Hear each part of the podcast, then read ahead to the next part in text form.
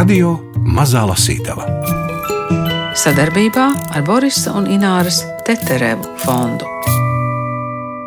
Man tagad ir eh, tāds eh, kārtības ieviešanas jautājums, vārds Hanza. No kā tas ir cēlies? Nu, es tik... šeit esmu atskaņotāja lomā, jo jūs man pateikt, labs puses uzšķirt un varētu arī izlasīt, kas tur stāv rakstīts. Noteikti mēģināšu tagad to.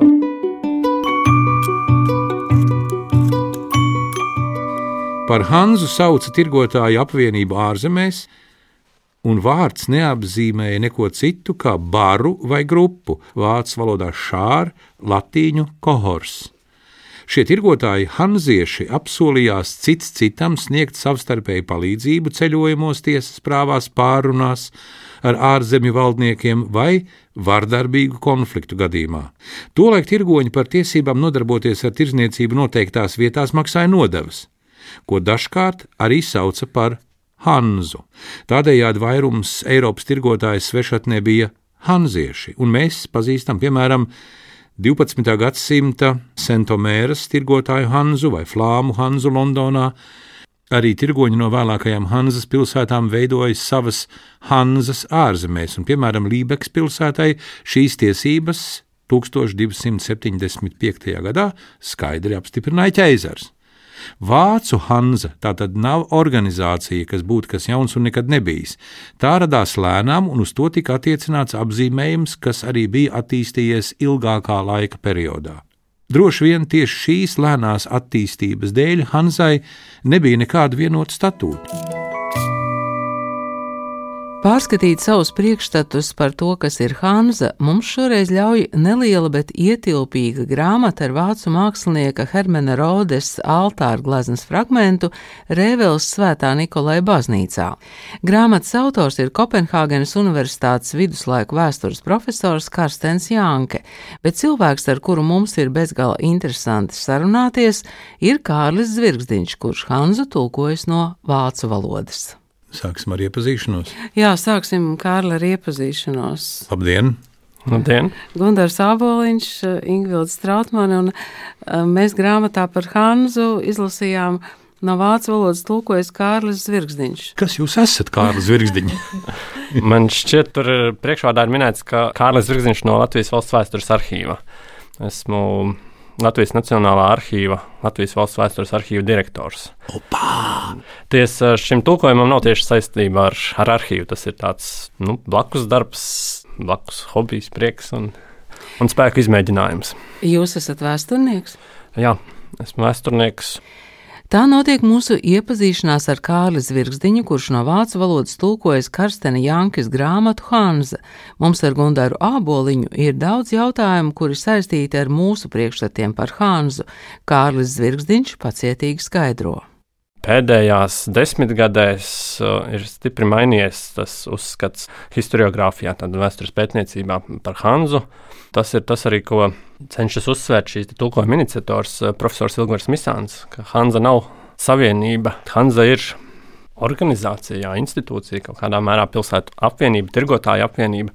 Tas ir tas, ko joprojām mēs ikdienas sarunās plaši lietojam. Hanzas savienība, Hanza kā stipra organizācija. Taču faktiski šie grāmati, ko es tulkoju, tā ļoti labi parāda, ka tā Hanza ir tāda vaļīga organizācija, varētu teikt, ne tāda atvērta. Organizācija, kurai nav tādas stingras formas, stingru statūtu, stingru dalībnieku sarakstu.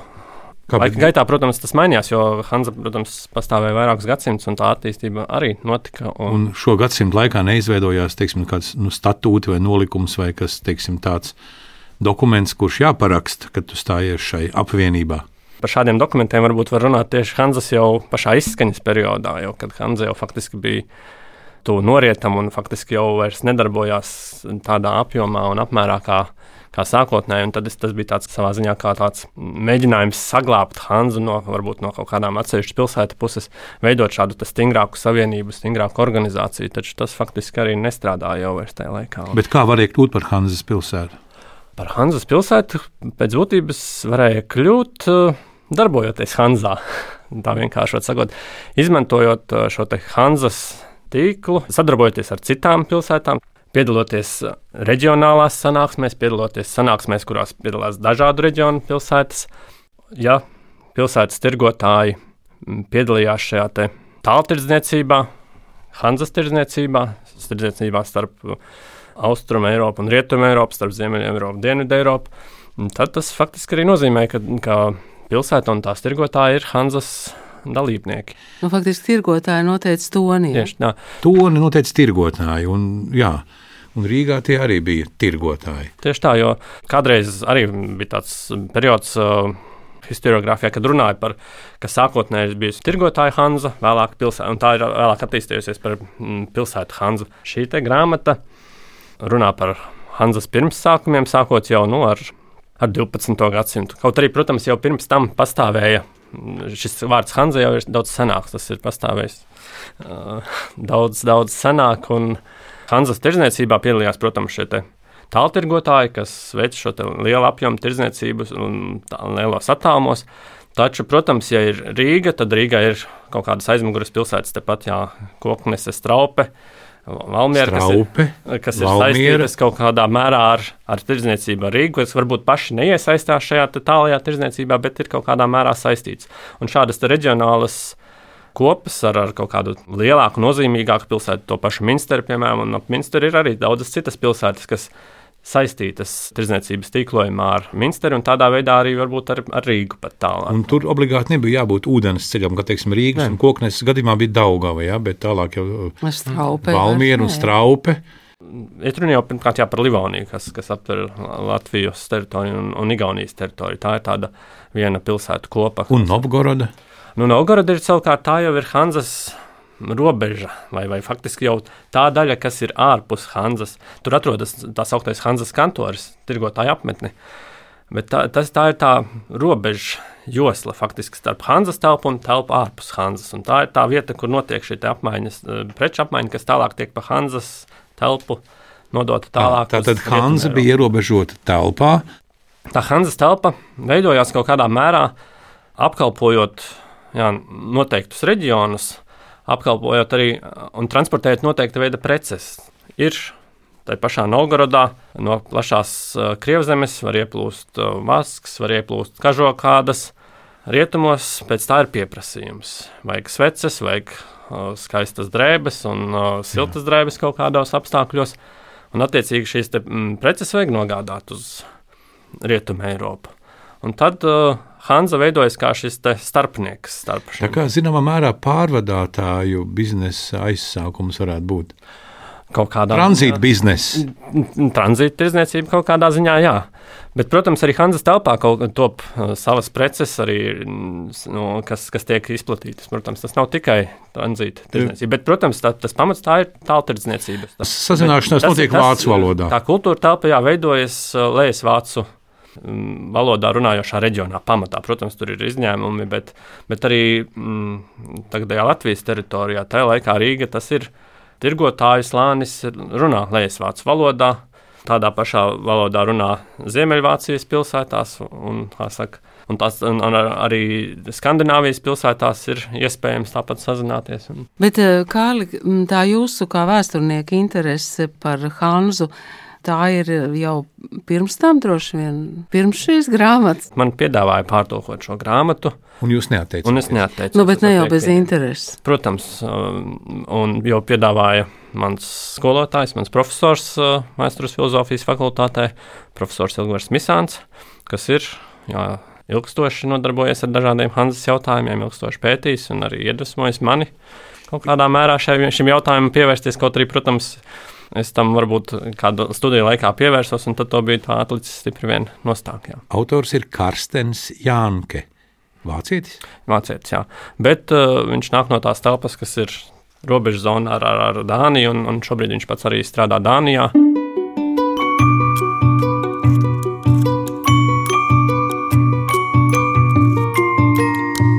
Radio Mazā Lasītava. Tu varētu palasīt par kādu no tām precēm. Eh, tur bija par vasku atsevišķi. Vai par alu ir interesanti. Par alu. Kārli, jūs varat teikt lapus un, eh, un Gundars lasīt. Par kaltētām zīmēm. Tas tiešām, tie preču apraksts, tas ir tiešām interesanti. Ļauj saprast to, kas to procesu virzība ir. Pirmkārt, Dažas pilsētas vispirms Vestfālenē, bet arī Skandināvijā, attīstījās par īstiem tirdzniecības centriem, kuru iedzīvotāju rīcībā bija tāda bagātība un kontakti, ka tos varēja izmantot arī politiski. Tādas pilsētas bija Zēste, kuras tirgoņi regulāri brauca uz Krievzemi, vai Ķelne, kas bija iesaistīta tirdzniecībā ar Angliju un Skandināviju, vai Šlēsviga, kuras tirgotāji nodarbojās ar tirdzniecību no Krievzemes uz Dienvidu Franciju. Piemēram, ķelnes tirgotāji 1175. gadā atbalstīja Angļu karaļa pūles sagraut pret viņu vērsto ķeizara un pāvesta aliansi, un par to tika algoti ar tirzniecības tiesībām Anglijā. Otrakārt, Ziemeļvācu firsti kopš 12. gadsimta vidus iekaroja aizvien tālākas slāvu apdzīvotās teritorijas daļas, vispirms Holšteinā, tad Meklenburgā, Pomerānijā un visbeidzot caur Vācu ordeni arī Prūsijā un Pomerēlijā. Tas ir reģions uz austrumiem no Pomerānijas, tas, kas tagad ir Polijas ziemeļdaļa, Pomerēlija. Šie apgabali bija apdzīvoti un nebija mežonīgi. Firsti tur atrada senus tirdzniecības centrus ar starptautiskiem sakariem. Un treškārt, aizvien tālāk uz priekšu virzījās Eiropas kristianizācija. Lielākās rietuma Eiropas daļas pakļaušana katoļu baznīcai noveda ne tikai pie vienas kultūra telpas, bet vispirms pie tā, ka neproporcionāli pieauga pieprasījums pēc dažādu veidu patēriņa precēm. Starp šīm precēm it sevišķi izcēlās vasks, ko lietoja altāru apgaismošanai, un gavēņa pārtika, kaltētas un sālītas zivis, kas katram labam kristietim bija jāēd vismaz 180 dienas gadā. Šo preču paaugstinātais pieprasījums noveda pie tā, ka tieši Baltijas jūras apgabali un Rietumē Eiropas centrālā daļa kļuva krietni ciešākas. No ekonomikas zinātnes viedokļa raugoties, ražošanas un patēriņa apgabalu saukšanu noved pie apgrozījuma kāpuma un lielākas peļņas iespējām. Tādējādi kristianizācija deva tiešu pamudinājumu pastiprināt tirdzniecību Baltijas reģionā un pāri Baltijas jūrai uz austrumiem. Šajā situācijā tika dibinātas jaunas pilsētas, kas pārņēma svarīgāko starpnieku funkciju starp Ziemeļu un Austrumu Eiropu un Centrālo un Rietumu Eiropu. Kāli par to alu Gundaram noteikti patiktu, bet kur bija par Man alu? Par kaltētām zivīm nav nekas. Kaltētās zivis arī ir nacionāli interesants apraksts. Nu, kur tad ir par alu? Par alu Kāpēc te nevar sarkanā zīmē? Simtā lapas. Alus. Viduslaikos alus bija ne tikai kalorijām bagāts, visiem domāts ikdienas dzēriens, ar ko baroja pat zīdaiņus un mazus bērnus. Kā dezinficēts šķidrums, alus bija pamatnepieciešamība, jo pilsētās ūdens higiēnisku iemeslu dēļ nebija dzerams. Izteiciens pie maizes un ūdens nenozīmē tikai būtisku kaloriju patēriņa samazinājumu, kā to saprotam šodien. Reizē ar to tika piespriesta arī saindētu pārtikas produktu lietošana uzturā. Šā iemesla dēļ nav brīnums, ka viena viduslaiku cilvēka vidējais alus patēriņš novērtēts ar 500 līdz 1000 litriem uz personu gadā. Kamēr 2011. gadā katrs vācietis vidēji izdzēra tikai 107 litrus alus.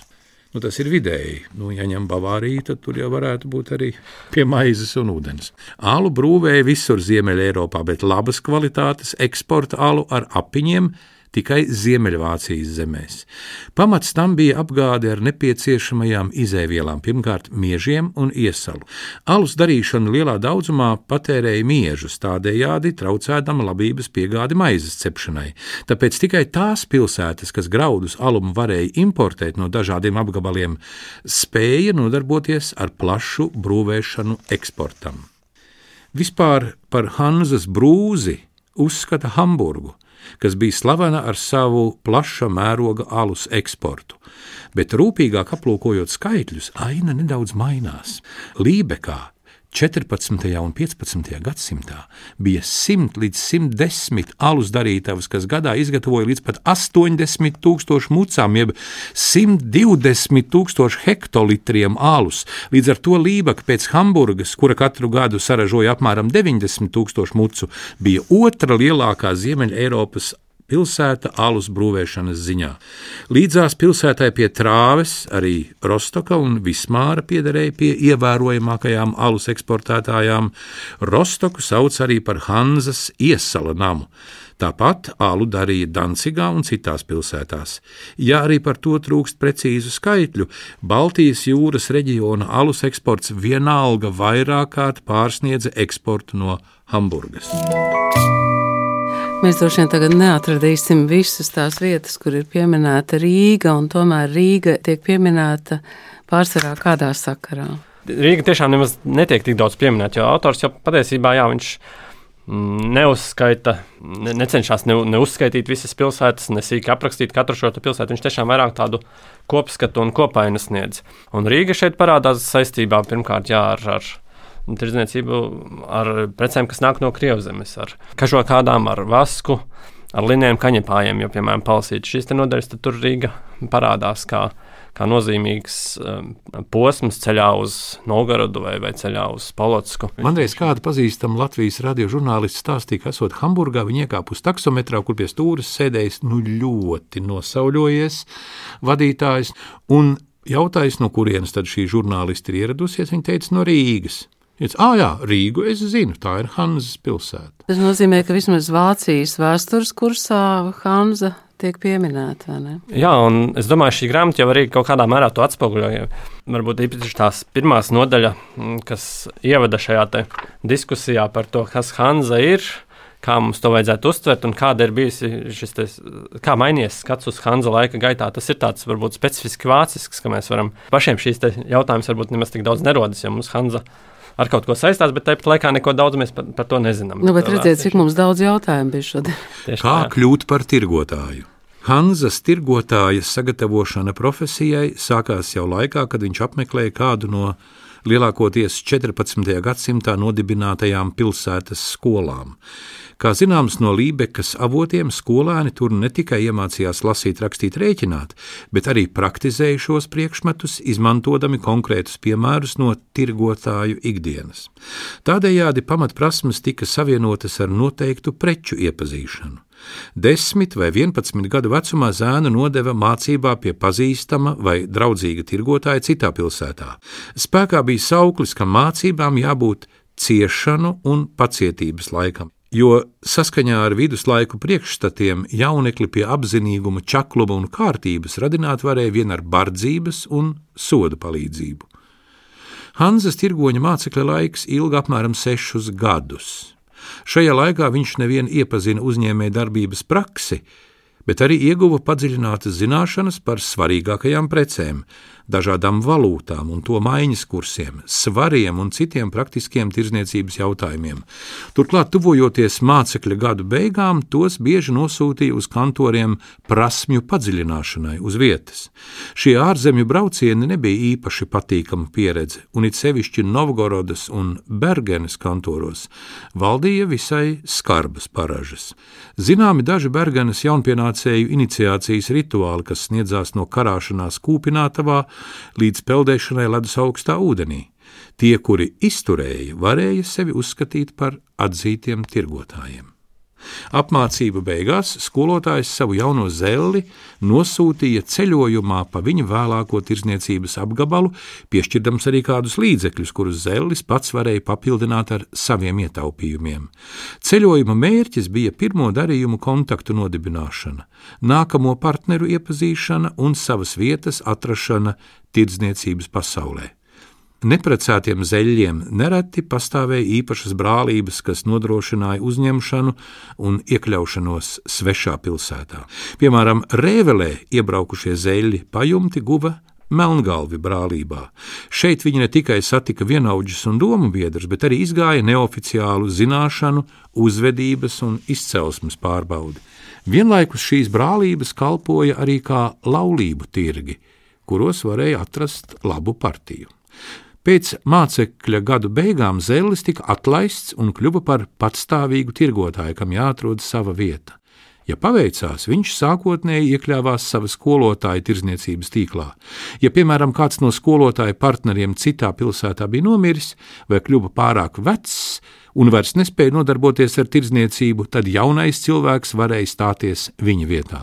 Šādā gadījumā priekšrocība bija tā, ka jauneklis varēja gūt labumu no sava skolotāja informācijas tīkliem un tirgoties ar viņa precēm pats neveikdams lielus naudas ieguldījumus biznesā. Tas viņam deva laiku sava tīkla izveidošanai un laba un spējīga tirgoņa reputācijas ieguvēja.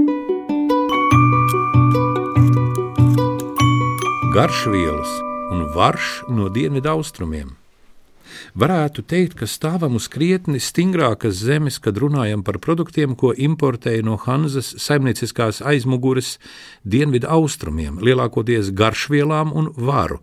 Nevelti Hanzas tirgotāji jau kopš viduslaikiem ieguvuši apzīmējumu piparmaisi, jo tieši šī garšviela nozīmēja īpašu bagātību. Viduslaikos, atšķirībā no mūsdienām, garšvielas nekalpoja dabiskās garšas pastiprināšanai, garšvielas lietoja pašu garšvielu dēļ. Kas to varēja atļauties, lietoja garšvielas gandrīz visiem ēdieniem no vīna, mūsu karstvīna priekšteča, līdz cepetim, cepumiem vai saldajiem ēdieniem. Piemēram, ķiršu musu ar ingavēru un pipariem uzskatīja par delikatesi. Mūsu Ziemassvētku štolle ar daudzajām garšvielām, mūsu tas ir vācu. Štolle ar, tas ir tāds tā kā tāda blīva, tāda tā kā rozīņa un cukāta pildīta tāda maize. Štolle ar daudzajām garšvielām ir tikai vāja atblāzma no tās priekštečiem viduslaikos. Viduslaikos vadījās pēc devīzes, ka vairāk nozīmē vairāk. Tas ir ēdienu virsoja atkarībā no naudas maka biezuma. Lai gūtu priekšstatu par izlietotajiem daudzumiem, jāiedomājas, ka, piemēram, Lībekas tirgoņa brālības vienai svētku maltītei ar trim ēdieniem apmēram 60 dalībniekiem izlietoja pa pusmārciņai piparu un safrāna. Tas ir katram pa 242 gramiem, 6 mārciņas rozīņu, 2900 gramus, sīpolus un pētersīļus, respektīvi pētersīļu saknes kā arī ingavēra un citas garšvielas, un lībekieši tika uzskatīti par mēreniem un atturīgiem. Citas eksotiskas piedevas, ko mēs mūsdienās vairs par tādām neuzskatām, vispirms rīsi mandelis, niedru cukurs un vīģis, ko arī vēl šo baldienu atrodam tradicionālajos ēdienos. Eiropas ziemeļdaļā visas šīs luksusa piedevas importēja un izplatīja Hanzas tirgotāji. Tā rezultātā krievu valodas apzīmējumi anīsam, ingveram, korintēm, mandelēm, muskatam, krustnakliņām, pipariem, persikiem un safrānam cēlušies no Hanzas tirgoņu viduslejas Vācijas valodas apliecinot šīs tirdzniecības noturīgo nozīmi.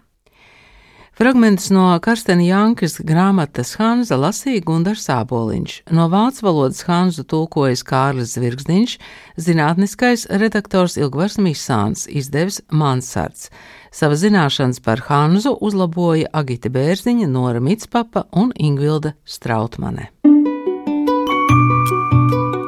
Jebkurā gadījumā man var būt tikai viena piebilde. Tas bija vīriešu pasaules atspūgs. Nu, jā, tā tas, tā tas bija. Un vai tad slikti? Nē, nē es tikai pārjautāju.